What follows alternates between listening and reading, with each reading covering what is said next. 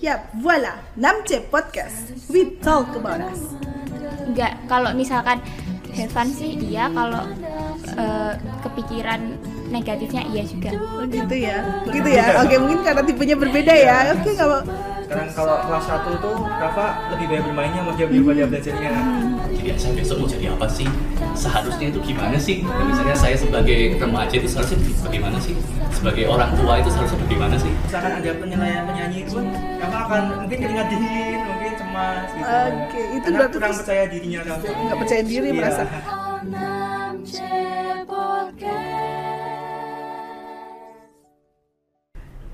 Kembali lagi di 6C Podcast with Talk About Us. Tadi kita sudah bahas tentang self esteem atau harga diri seseorang. Sebelum ke tanya ke ahlinya, saya mau tanya ke anak-anak dulu. Jadi eh, Belva dan Rafa, ketika kalian misal eh, mengalami insecurity itu, kayak misal eh, Rafa, aku nggak bisa nyanyi kok ada tugas nyanyi. Bahasa Prancis ya, kelas 10 itu ada ya tugas menyanyi. Kemudian Belva misal apa? Belva yang nggak bisa di kompetensi apa kok suruh kayak gini aku tuh ini gimana sih cara mengatasi kalian mengatasinya itu bagaimana? Kalian mengatasinya sendiri atau perlu bantuan orang lain atau apa apa sih yang kalian lakukan ketika kalian merasa insecure di suatu hal? Belva dulu coba. Eh, kalau saya madam itu eh, kadang mengatasinya secara sendiri, kadang butuh bantuan teman. Iya, misal. Eh, tapi kalau dari diri saya sendiri ya saya ngubahnya itu kalau misalkan kamu nggak bisa ya udah nggak apa-apa dilakukan aja sebisanya Mhm. tapi kok sama teman biasanya kayak nggak apa-apa bel kau bisa kok nggak nggak nggak akan eh, bikin kamu jadi belva yang lain atau sepertinya gitu intinya teman-teman tuh nanemin kepercayaan diri jadi aku nggak insecure lagi gitu Mhm. Ada nggak peristiwa yang bener-bener bikin kamu down dan merasa kamu aku tuh nggak ada harganya gitu? ada banget Iya. madam Yuk, nggak apa-apa sharing coba kita sharingkan supaya bisa bisa bisa dibuat pengalaman atau bisa di-sharingkan kalau misal di- eh, kepada teman-teman yang lain di sini. Eh, jadi gini ya madam, waktu itu eh, 6C anniversary day eh, tanggal 25 Oktober 2019. Oke, sampai hafal banget ya peristiwanya. Iya, gitu soalnya ya. eh, ngena banget Oke, madam. oke, oke. Terus waktu itu saya jadi divisi eh, LO. Mhm. Di situ saya eh, sweeping kelas buat teman-teman ke lapangan gitu. Terus saya ke kelas saya sendiri. Saya bilang ke teman-teman saya, "Eh, turun yuk biar jangan di kelas semua gitu. Terus eh, teman saya ini ada cowok satu, dia tiba-tiba bilang kayak gini ke saya waktu itu eh, saya pakai baju lengan pendek, jadi mungkin saya yang kurus terlihat lebih kurus lagi gitu Oke. madam. Terus habis itu eh, dia bilang seperti ini ke saya, Bel, bawa kamu pakai baju lengan panjang, kamu tuh soalnya kalau misalkan kamu nggak pakai baju lengan panjang, kamu itu kelihatan kurus banget, kayak anak jalanan, kayak nggak dikasih makan, Oke. kayak anak kurang gizi. Oh, nah iya. di situ saya eh, kayak ngerasa maksudnya apa nih kok kayak gini di depan banyak orang posisinya Hmm. nah tapi saya nanggepinnya kayak bercandaan aja "Eh, iya ya aku kurang makan nih kayak gitu-gitu cuma Padahal setelah dalamnya jelek gitu ya. Iya, jelek banget. Soalnya sebelumnya nggak pernah ada yang kayak gitu. Mungkin ada yang ngingetin, "Bel kamu nambahin berat badan." Itu kayak saya oh ya, saya terima positifnya aja karena emang saya butuh nambah berat badan. Tapi teman saya ini sampai ngatain saya nggak dikasih makan dan lain-lain. Itu kan menyakitkan ya, Madam. Jadi waktu itu saya kayak nanggepinnya kayak dibuat bercandaan aja tapi setelah itu saya nangis ke teman saya yang sama-sama panitia juga. Terus habis itu eh, teman saya udah sampai mau datengin temen saya yang ngatain ini cuma saya nggak mau lah biarin dia sadar sendiri. Tapi ternyata eh, teman saya ini nggak cuma kayak gini ke saya tapi ke teman-teman saya yang lain Oke. dengan eh, alasan yang berbeda-beda. Saya juga nggak ngerti kenapa tapi berharapnya dia sadar aja kalau dia nonton podcast ini Oke. Ini podcast bisa jadi media ternyata ya. Nanti bisa eh, silaturahmi nanti ada tali kasih podcast gitu. Gak apa-apa, tapi dengan secara seperti itu berarti menyadarkan ke orang-orang bahwa sobat muda Wijaya semua di sini kepada pemirsa semua bahwa insecurity itu bisa timbul bukan dari diri sendiri juga tapi juga dari orang lain ya Mas Haidar ya, dari bullying, dari komentar. Kalau di sosial media komentar netizen yang maha benar gitu ya. Begitu ya. Jadi eh, apa yang masuk ke dalam diri kita, bagaimana kita menerimanya itu juga bisa menimbulkan suatu insecurity. Kalau Rafa ada momen seperti itu. Kalau tentang fisik gak ada sih madam. Oke, Gak ada. lebih ke apa?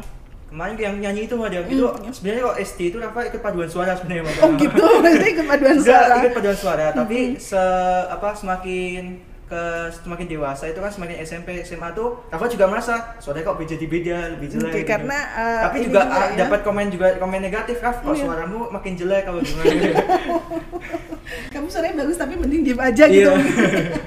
Mungkin ada komentar semacam itu yang Iya. bikin Rafa terus jadi nggak pede Iya, kalau suruh nyanyi iya. gitu ya. Oke, eh, nah apakah langkah-langkah anak-anak yang kan terus sekarang Rafa gitu, Rafa gimana Eh, eh, penyembuhan Mas sampai sekarang kalau suruh nyanyi masih masih nggak pede atau masih insecure? masih sih udah masih tapi Berarti kalau tapi saya nggak- suruh nyanyi sekarang mau nggak? gitu ya, nggak nggak masih masih nggak pede gitu ya. masih kurang sih madam Oke. tapi tapi kalau mengatasinya udah agak agak mendingan madam gimana caranya? Kalau dulu Rafa sih meyakini dengan diri sih madam semua orang tuh punya potensinya masing-masing Oke, begitu. Iya. Jadi menerima ya, Iya, menerima ya bahwa udah, ini memang iya. saya ku- uh, mungkin tidak sebagus orang lain dalam hal menyanyi, tapi saya punya sesuatu yang bisa saya kerjakan, Iya, bisa benar. seperti itu ya. Sudah tepat belum langkah-langkah mereka ini, Mas Haidar, untuk mengatasi insekuritas ini atau meningkatkan self esteem mereka ini? Ya, saya kira sudah cukup ya. Jadi bagaimana sebenarnya bisa dilihat dari mis- misalnya prestasi akademiknya. Jadi misalnya setelah mengalami eh, kejadian yang mungkin sangat menyakitkan gitu ya, kita bisa lihat eh, prestasi akademiknya seperti apa. Apakah dengan kejadian seperti itu nilai-nilai turun atau seperti apa? Kalau misalnya nilai-nilainya turun, itu mungkin jadi kayak tanda ini ya eh, alarm gitu ya, bahwa mungkin ada sesuatu yang lebih dalam yang di, yang dialami dan mungkin butuh pertolongan seperti itu. Tapi kalau misalnya saya lihat eh, dari Rafa dan Belva, sepertinya sudah cukup bisa mengatasinya ya. Jadi kayak sudah sudah cukup kayak menyadari bahwa eh, saya mungkin tidak tidak sama dengan yang disampaikan saya kurus atau saya nyanyi jelek. Kalaupun mereka menyatakan seperti itu, eh, kita bisa tetap apa ya rebound gitu loh. Jadi kita tetap bisa fokus lagi eh, mengerjakan eh, apa yang seharusnya dilakukan, misalnya kepanitiaan tetap jalan, kita tetap bisa fokus. Saya kira karena mereka sudah bisa melakukan itu sudah bagus. Dan mungkin yang perlu di apa ya disadari adalah kita tidak bisa mengendalikan perilaku orang lain ya. Iya benar. Tidak sepenuhnya. Mungkin ada beberapa saat kita bisa ya em, kita bisa memberikan peringatan kepada teman atau mungkin eh, kita langsung konfront orang tersebut. Misalnya Belva saat itu langsung saya nggak suka kamu ngomong seperti itu. Bisa jadi itu jadi salah satu tindakan yang membuat dia tidak lagi mengejek Belva. Eh, tapi dalam mungkin sebagian besar orang tidak akan melakukan itu ya. Iya. Eh, dan mungkin saat itu ya kita tidak bisa mengubah sifat dari orang. Bisa bisa jadi ternyata kan eh, yang korbannya gitu ya itu ternyata tidak hanya Belva tapi ada orang lain kan. Iya. Berarti kan mungkin ada kayak sisi kepribadian memang dia suka eh, mengejek orang lain. Bisa jadi orang tersebut memiliki insecurity tentang dirinya Oh, berarti bisa jadi ya insecure bikin orang lain insecure. betul karena dia merasa insecure Mhm. dia merasa perlu mengangkat dirinya Mhm. gimana cara dia mengangkat dirinya dengan menjelekkan orang lain Berarti oh ca- cara yang salah untuk membuat dirinya berharga gitu. Iya, ya? heeh. Oke. Dan kita nggak bisa mengubah itu. Kita perlu mengakui ya mungkin orang tersebut memiliki persoalan sendiri Hmm. dan kita tidak pahami. Mungkin keluarganya seperti apa atau memang ada sifatnya seperti itu kan kita tidak, tidak tahu ya. E, kalau kita bisa mengambil sikap seperti itu mungkin ya lebih apa ya lebih baik gitu ya. Tapi saya pikir kita nggak tidak bisa mengendalikan orang lain e, dan yang bisa kita kendalikan adalah respon kita Iya. terhadap ejekan tersebut. Oke. Apa yang bisa kita lakukan? Jangan sampai ejekan orang eh, atau mungkin karena kan bukan cuma ejekan ya. Nanti kalau sudah mulai eh, jadi mahasiswa atau kerja, bisa jadi nanti bosmu itu memberikan kritik yang sangat pedas. Mhm. Atau mungkin pas lomba juri itu memberikan kayak kritik yang sangat pedas terhadap performance atau terhadap eh, hasil karya teman-teman. Oke. Itu kan kalau kita tidak siap ya. Itu lebih berat lagi ya dari Itu- sekedar ejekan ya. Jadi Iya. karena ini berka- berkaitan dengan sesuatu yang kita minati Oke. misalnya suka menulis jurnalis terus kita kasih ke editor editornya kok eh, balikin draftnya kok merah semua terus ini kamu bisa nulis nggak sih Pa- padahal ya eh, itu kan menyakitkan ya dan itu profesional. Ya artinya apa? Kita nggak bisa mengubah orang tersebut dan bisa jadi masukan yang di- dia berikan itu bagus. Mhm. jadi kita terbuka juga ya eh, dan jangan sampai eh, perkataan orang lain eh, itu kayak sampai membuat kita ciut gitu ya sampai merasa kita tidak berdaya tidak bisa melakukan apa-apa. Itu yang bisa kita kontrol ya Oke. jadi kita menyadari ada beberapa hal yang bisa dikontrol ada yang tidak bisa dikontrol kita bisa mengontrol bagaimana kita merespon dan bagaimana kita terus rebound ya rebound kayak kembali eh, mengerjakan berprestasi atau kayak ya, sekolah atau kayak tetap apa ya, berprestasi yang baik lah jadi mungkin itu ya. apa saja mungkin di level-level anak SMA ini apa saja yang bisa dilakukan mereka untuk karena kita tidak bisa mengendalikan orang lain, kita harus bisa mengendalikan reaksi kita. Bagaimana sebaiknya anak SMA itu bereaksi atas atas uh, sesuatu yang membuat mereka insecure? jadi ada beberapa cara misalnya bisa ke ada social support Mhm. teman ya jadi setelah ada peristiwa diejek nanti ke temannya kan misalnya ke, contohnya Belva teman itu bisa memberikan eh, security Mhm. rasa aman bahwa Belva merasa bahwa meskipun dia mengalami sebuah kesulitan ada orang yang care terhadap dia. Oke. teman. Bisa Mhm. jadi itu orang tua mungkin ada beberapa teman mereka lebih prefer ke teman. Mhm. tapi ada beberapa orang yang mungkin mereka nggak suka ke teman tapi ke ibu. Oke. atau ke bapak. Atau ke paman. Atau siapa. Jadi social support itu satu. Em, kalau perempuan memang eh, lebih banyak mungkin social support dari teman gitu ya Mhm. tapi kadang-kadang kalau laki-laki nggak seperti itu juga ada juga laki-laki yang mereka eh, lebih apa ya ke social support tapi ada yang mereka menyendiri mereka melakukan apa ya bisa jadi mereka bermain game Oke. nonton film Itu salah satu bentuk healing mereka atas. Iya. Oke, game itu berarti tidak selamanya buruk ya? oh tidak Oke. ada yang edu game ed- edukatif Oke, oke. dan misalnya tapi mungkin kita perlu menyadari bahwa kita melakukan itu secara sadar. Oke. jadi saya sedang mengalami eh, ujian gitu ya. Mhm. sudah diejek atau saya eh, mendapat kritik yang pedas dari guru atau dari eh, dari editor. Saya merasa sangat sedih. Apa yang saya lakukan saya Netflix nonton Netflix Oke, self healingnya itu berbeda ya. Atau- Ada yang ngegame, ada yang Netflix. atau iya saya main game Habis itu main game atau saya main gitar kalau saya kan main gitar gitu ya. Oke. saya main gitar terus ya setelah main gitar saya merasa lebih baik nah jadi bagaimana kita menyadari ketika kita mengalami sebuah hal kita perasaannya seperti apa gimana kita sebagai orang yang bisa mengendalikan eh, perilaku kita itu berusaha untuk mengubah emosi kita atau mengubah kondisi ini biar tidak selalu sedih gitu. Ya kita melakukan hal-hal yang menyenangkan nonton film eh, makan makan ya kalau sekarang kan bukan nggak makan makan ya karena corona.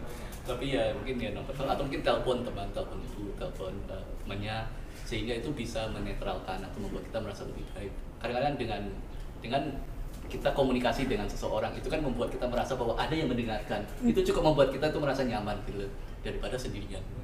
Jadi ya kalau memang caranya eh, berinteraksi dengan orang silakan kalau misalnya caranya adalah main game main gitar atau makan ya monggo gitu ya asal makannya jangan berlebihan ya semuanya jangan berlebihan, kayak gamenya juga jangan berlebihan gitu ya. Oke, nah tuh udah dapat pencerahan berarti ya. Kayak gimana caranya aku bisa self healing ketika aku merasa insecure gitu. Mungkin sobat Midoja yang di rumah juga udah oh ternyata begitu. Nah masalahnya ini kadang ada anak yang merasa bahwa aku itu nggak punya bakat apa-apa, tidak bisa diterima sama siapa pun dan aku tuh sebenarnya bakatnya apa sih? Itu apa yang harus dilakukan? Tahan dulu Mas Haidar, tahan dulu Belva dan tahan dulu Rafa. Tapi nanti setelah itu kita break dulu sebentar.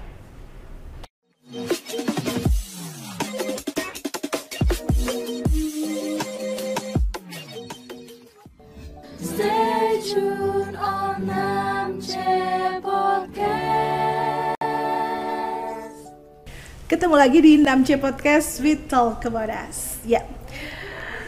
Pada pembahasan berik- eh, sebelumnya kita sudah bilang eh, bicara tentang insecurity pada masa remaja dan terakhir kita bahas bagaimana jika ada seorang remaja masa-masa SMA ini merasakan bahwa dirinya sama sekali tidak berharga atau insecurity-nya itu pada level yang benar-benar parah gitu dan tidak bisa eh, merasa benar-benar aku tuh apa sih yang berharga dalam diriku dan aku tuh siapa gitu bi- biar bisa diterima oleh eh, eh, orang lain bagaimana? Bagaimana Mas Haidar untuk mengatasi itu?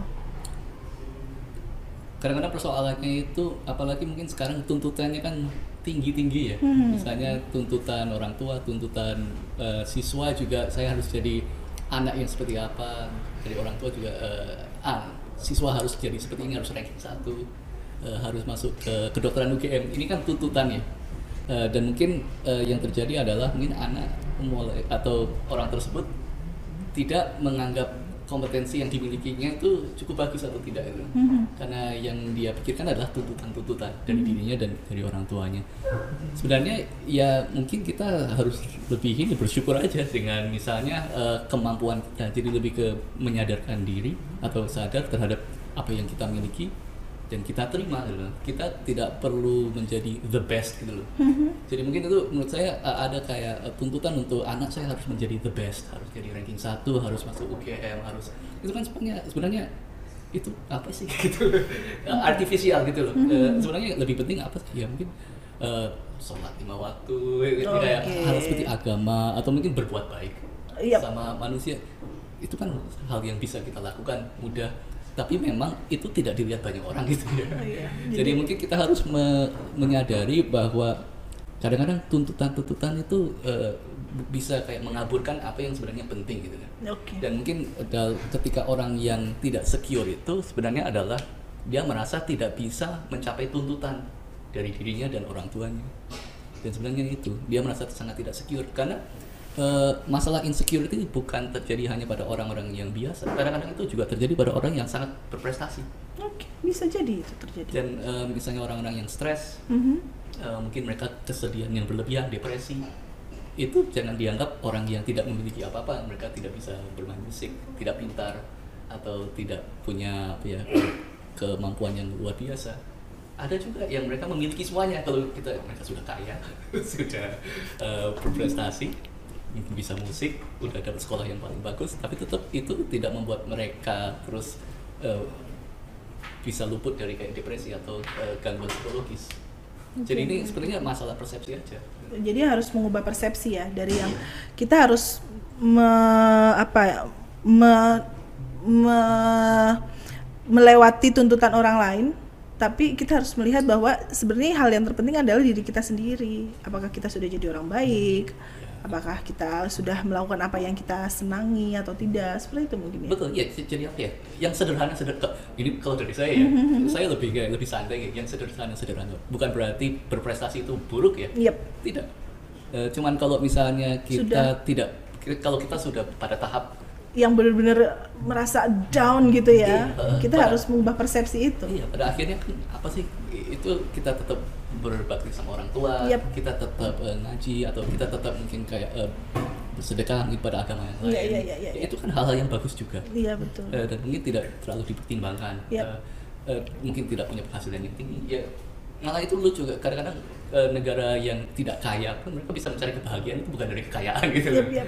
Jadi kadang-kadang kita lupa dengan adanya tuntutan yang sangat banyak dan memang eh, era sekarang memang tuntutannya tuntutannya tinggi ya, apalagi milenial ya atau mungkin apa Gen Z atau sekarang. Ya ini udah generasi Z ya, udah udah udah benar-benar Iya, jadi kayak mungkin apa muda-muda udah jadi CEO Yap. atau itu kan tuntutan juga kan. Pada akhirnya itu Apalagi kemarin ada Aukarin umur 23 tahun beli hotel gitu ya. itu udah merupakan suatu pencapaian ya. Aku udah 20 udah besok umur 23 ngapain ya? Nah itu gitu. jadi ada pikiran kayak gitu kan dan itu kembali lagi ke membandingkan diri. Jadi Ya. apakah kita hidup kita itu akan selalu eh, hanya membandingkan diri kita dengan orang lain gitu loh. Saya pikir itu yang nggak sehat ya. Ya. Nah, kalau misalnya kita membandingkan diri itu untuk prestasi itu bagus ya, itu membuat kita memperbaiki diri itu bagus. Tapi kalau itu menjadi kayak semacam obsesi sampai kita eh, menjadi insecure, sampai kita jadi sedih yang berlebihan, berlebihan, itu saya kira ya yang kurang baik ya. Dan ya kita harus lebih realistis aja. Eh, orang yang berhasil kaya raya jadi CEO itu persentasenya sangat-sangat kecil gitu loh Iya. sangat-sangat kecil gitu. Ja- Jadi kita jangan menganggap bahwa semua orang tuh bisa seperti itu. Oke, Nah, berarti. kita semuanya memiliki kompetensi, memiliki kebaikan. Saya pikir ya itu yang penting sih. Ya kita bisa jaga diri, jaga orang lain. Kalau saya sih lebih ke survival ya. Eh, Iya. Jadi ap- apa yang membuat kita menjadi manusia ya? Iya. Kita bisa menjaga diri dan kita bisa menjaga orang lain. Karena nanti pada akhirnya kan jadi orang dewasa eh, punya tanggung jawab. Bisa nggak ngurusi keluarga? Bisa nggak ngurusi anak? itu kan berarti kan ngurusi nyawa orang gitu Iya betul betul. Padahal kan mungkin orang kan menganggap itu remeh kan, misalnya ibu rumah tangga juga nggak berkarir atau misalnya bapak rumah tangga nggak bekerja, mungkin itu dianggap kayak sepele. Padahal itu mereka ngurusi nyawa gitu. Iya betul Nah betul. itu kan mungkin kalau kita mengacu pada tuntutan orang lain jadi CEO, jadi super kaya, kan kita jadi kayak tidak menghargai hal-hal yang menurut saya lebih penting. Iya. Itu berkaitan dengan ada hidup. dalam diri kita Iya. ya. Oke, jadi begitu ya Rafa dan Belva ya. Jadi stop insecure, teruslah bersyukur gitu. sih, jadi ya bersyukur dengan apa yang kita miliki dan eh, berpikir lagi bahwa sesungguhnya sesuatu yang tuntutan-tuntutan pencapaian-pencapaian orang lain itu eh, ekspektasi lebih tepatnya mungkin ya. ekspektasinya itu tidak harus sama seperti orang lain. Jadilah diri kalian. Mungkin ada teman kalian yang disanjung-sanjung karena prestasinya selangit sampai mereka juara nol mungkin ya. Karena udah habis juara satunya jadi juara nol dalam bidang apa gitu. Tapi ternyata mereka nggak hormat sama orang tua. Bisa jadi. Tapi kalian yang mungkin dianggap biasa-biasa saja oleh orang tua lain tapi orang tua kalian tuh sayang banget sama kalian karena kalian mau ngambilin mereka minum ketika mereka lagi makan atau kalian bisa menghargai mereka lebih daripada mereka yang berprestasi bisa jadi seperti itu ya Mas Haidar ya. Jadi oke ya sobat muda Wijaya di rumah juga. Oke kuncinya adalah stop insecure teruslah bersyukur. Jadi ayo ditingkatkan lagi rasa syukurnya supaya kalian eh, lebih bisa menerima diri kalian yang apa adanya menerima diri kalian itu seperti apa dan ketika kita sudah bisa menerima diri kita kita akan bisa bergaul dengan baik ya dengan dengan yang lain begitu ya Mas Haidar ya. Nah eh, jadi tadi saya em, tertarik dengan kata itu berpengaruh terhadap nanti ketika dewasa seberpengaruh apa sih em, proses eh, pendewasaan mereka ketika mereka merasa insecure sampai nanti entah itu berpengaruh ke karir mereka atau ke masa depan mereka seberapa besar pengaruhnya Mas Haidar?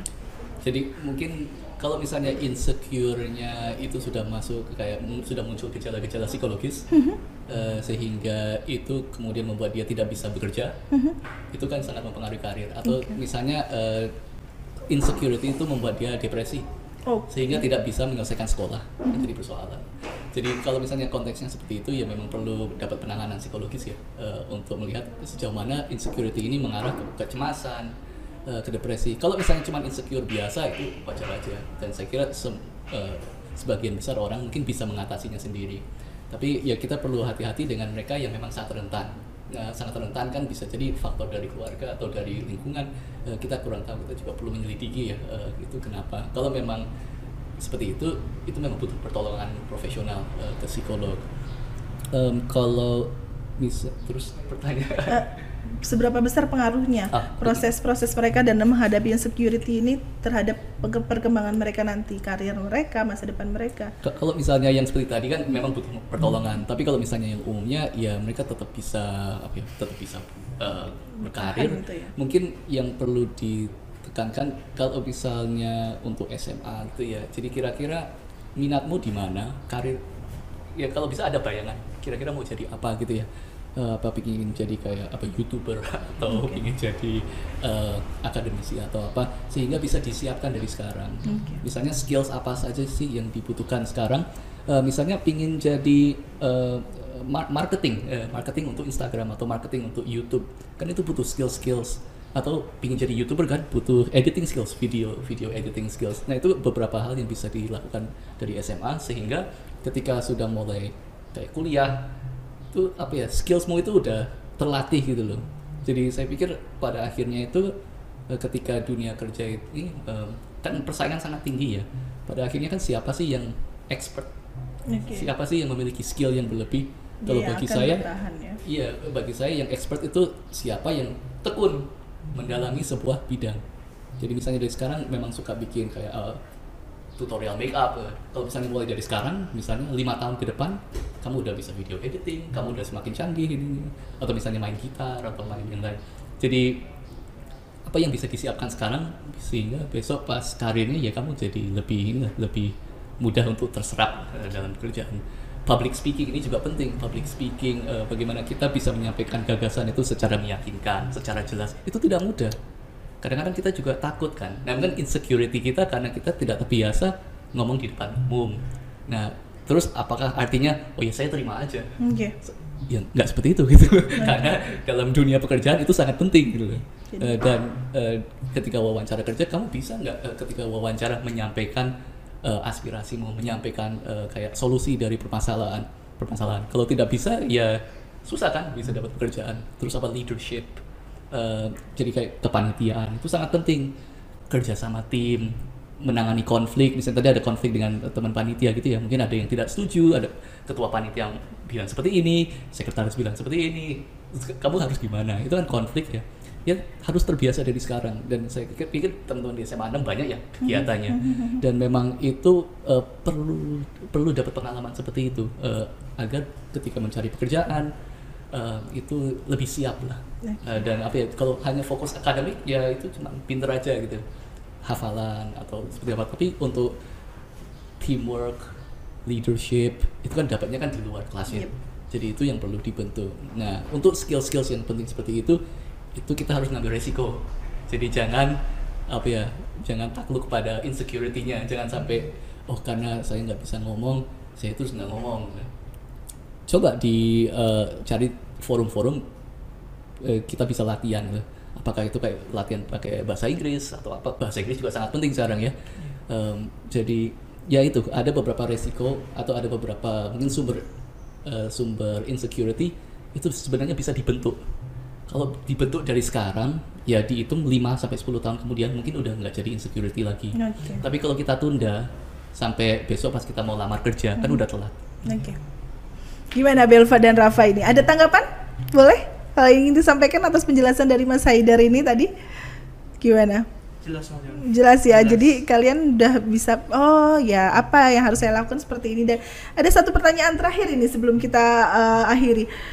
Mereka sudah paham apa yang harus mereka lakukan tapi itu tadi insecure bisa datang di eh, luar dari diri mereka. Sebenarnya siapa saja yang berperan untuk eh, mengatasi insecurity anak-anak ini, Mas Haidar? Selain dari diri mereka sendiri dan teman-temannya mungkin siapa saja yang berperan? Eh, ya, lingkungan sosial ya. Oke. Jadi eh, satu memang pri- pribadinya, kemudian temannya. Teman. Misalnya tadi misalnya ada kejadian sesuatu bisa ke temannya, eh, orang tua. Orang Jadi, tua. Orang tua juga Penting ya orang tua ya. sangat penting karena ya bagaimana misalnya ka- kadang-kadang kalau orang tua misalnya ada eh, mereka mengalami kejadian persoalannya misalnya dia di, habis dibully di sekolah gitu ya Mhm, apakah anak tersebut akan cerita ke orang tua atau tidak Jangan-jangan malah orang tuanya ikut ngebully. Bisa jadi seperti itu. Nah, Bapak Ibu yang sedang menyaksikan MC Podcast, jangan lantas ketika anaknya dibully langsung ikutan ngebully. Ma, aku tadi dibully kurus misal kata Bapak. Yonsen gue ini memang. Makanya makan yang benar gitu. Mungkin, mungkin ya bisa jadi kan- seperti itu. Iya, itu kan semua informasi kan membentuk ya, Oke. membentuk pikiran kita. Mhm. Jadi misalnya respon dari teman, oh dia mendukung. Ketika saya cerita ke orang tua, kok malah dia membuli aku balik. Oke, berarti orang tua harus mendukung atas ketidakpercaya dirian mereka. Iya, jadi bagaimana bisa membantu mereka bisa mengatasinya. Oke. Jadi jangan sampai eh, orang tua itu berperan dalam melemahkan Iya. atau meningkatkan insecurity. Iya. Jadi ya ke- sebisa mungkin ya anak tersebut bisa semakin kuat. Karena kan dunia kan susah ya. Maksudnya kritik itu kan selalu ada di Iya. pekerjaan. Iya. Kita tidak bisa jadi menghindari itu ya. Kita nggak bisa menghindari Kita tidak itu. bisa menghindari kritik, tidak Ja- bisa Jadi sebagai orang tua kita mempersiapkan anak kita eh, jangan kayak membuli dia. Sebisa mungkin kita membuat dia semakin kuat secara Mhm, psikologis eh, dan membantu dia bahwa ya itu nggak apa-apa. Misalnya Ya. dia menangis, apa kita nanti bilang kamu kok nangis gitu aja nangis gitu. Mungkin eh, ada respon seperti Tidak itu boleh kan. seperti itu ya. Nah kan kita oh ya apa-apa tadi kenapa cerita terus dia anaknya kalau sudah mulai bisa menceritakan apa yang dia rasakan itu sudah bagus. Oke. Jadi jangan jangan dianggap apa ya jangan sampai saya lebih mau cerita ke teman daripada orang tua gitu Iya. ya. Jadi orang tuh harus bisa menjadi tempat pertama mereka untuk mengadukan sesuatu ya. Jadi Iya. bahu So- pertama untuk bersandar ci bahasanya. karena persoalannya eh, kita kan eh, orang itu kan kita perilaku kita itu terpengaruh oleh apa yang dilakukan orang lain. Oke. Kalau misalnya kita tidak bisa dekat sama orang tua, tapi kita lebih dekat sama teman, Mhm. orang tua nggak bisa men- mengontrol apa yang dilakukan orang apa Iya teman-temannya. iya iya betul betul. Syukur-syukur kalau itu baik. Iya. Tapi kalau misalnya itu tidak baik atau tidak sesuai dengan mungkin idealisme atau nilai-nilai orang tuanya, di situ bisa clash. Iya. Jadi itu pentingnya membangun hubungan yang baik eh, dengan anak, Iya. Eh, sehingga mereka bisa terbuka eh, dan eh, apa ya, mereka bisa, bisa menjadi sesuai dengan yang eh, diharapkan lah dan berfungsi. Ya takutnya gitu ya. Semoga tidak ya. Semoga kayak teman-temannya juga baik eh, dan tapi itu kan resiko Ya. atau ketidakpastian yang mungkin bisa kita kendalikan sebenarnya sebagai orang tua. Selain orang tua guru juga. Guru. Karena eh, anak kan juga mereka menghabiskan ya mungkin di pandemi enggak ya ya Kalau- kalau di pandemi ya anak-anak jadi itu guru ngomongnya sama layar kosong Mas Haidar ya sama saya juga gitu. Ta- tapi kalau dalam kondisi yang biasa eh, siswa berinteraksi dengan guru oke eh, misalnya ada kejadian bullying seperti itu apakah eh, sekolah bisa eh, memfasilitasi eh, Ya. atau apakah sekolah eh, malah me- apa ya kayak mendukung eh, bully tersebut dengan tidak melakukan apa-apa itu Ya. kan juga kayak Ya, ya, ya. konteks sekolah jadi misalnya aturan dari sekolah seperti apa sih terhadap bullying eh, terhadap orang-orang yang suka eh, mendorong kegiatan apa ya perilaku-perilaku yang nakal kalau memang eh, kebijakannya sudah bagus ya berarti bagus tapi kalau tidak ya berarti bisa jadi membiarkan aja Ya. itu cukup kayak eh, memiliki dampak yang buruk. Mungkin kepanjangannya Enggak, tapi bagus sangat menarik ya. Jadi anak-anak juga sudah mendapatkan pencerahan ya kayak Rafa dan Belva dan sobat Muda Wijaya semua di rumah ini. Ya, begitu. Eh, bincang-bincang kita tentang insecure. Jadi kuncinya adalah stop insecure, teruslah bersyukur. Gitu ya Mas Haidar ya. Dan para untuk para orang tua di rumah mungkin seperti yang tadi Mas Haidar bilang bahwa eh, jangan mengambil jarak dengan anak dan tetap menjadi eh, orang pertama yang bisa menjadi tempat teman bicara anak-anak remaja. Ya, begitu. Eh, terima kasih atas kehadirannya Mas Haidar, benar-benar bermanfaat dan sangat mencerahkan hari kita pada saat ini. Iya, Sangat ya, benar ya. penjelasannya, kan? Oke, terima kasih Rafa, terima kasih Belva atas kehadirannya. Terima kasih untuk sobat Wijaya Muda Wijaya semua yang sudah menyaksikan podcast pada episode ini. Kita ketemu lagi di episode-episode selanjutnya dengan bahasan yang tentu saja menarik. Tetap di 6C Podcast with Talk About Us.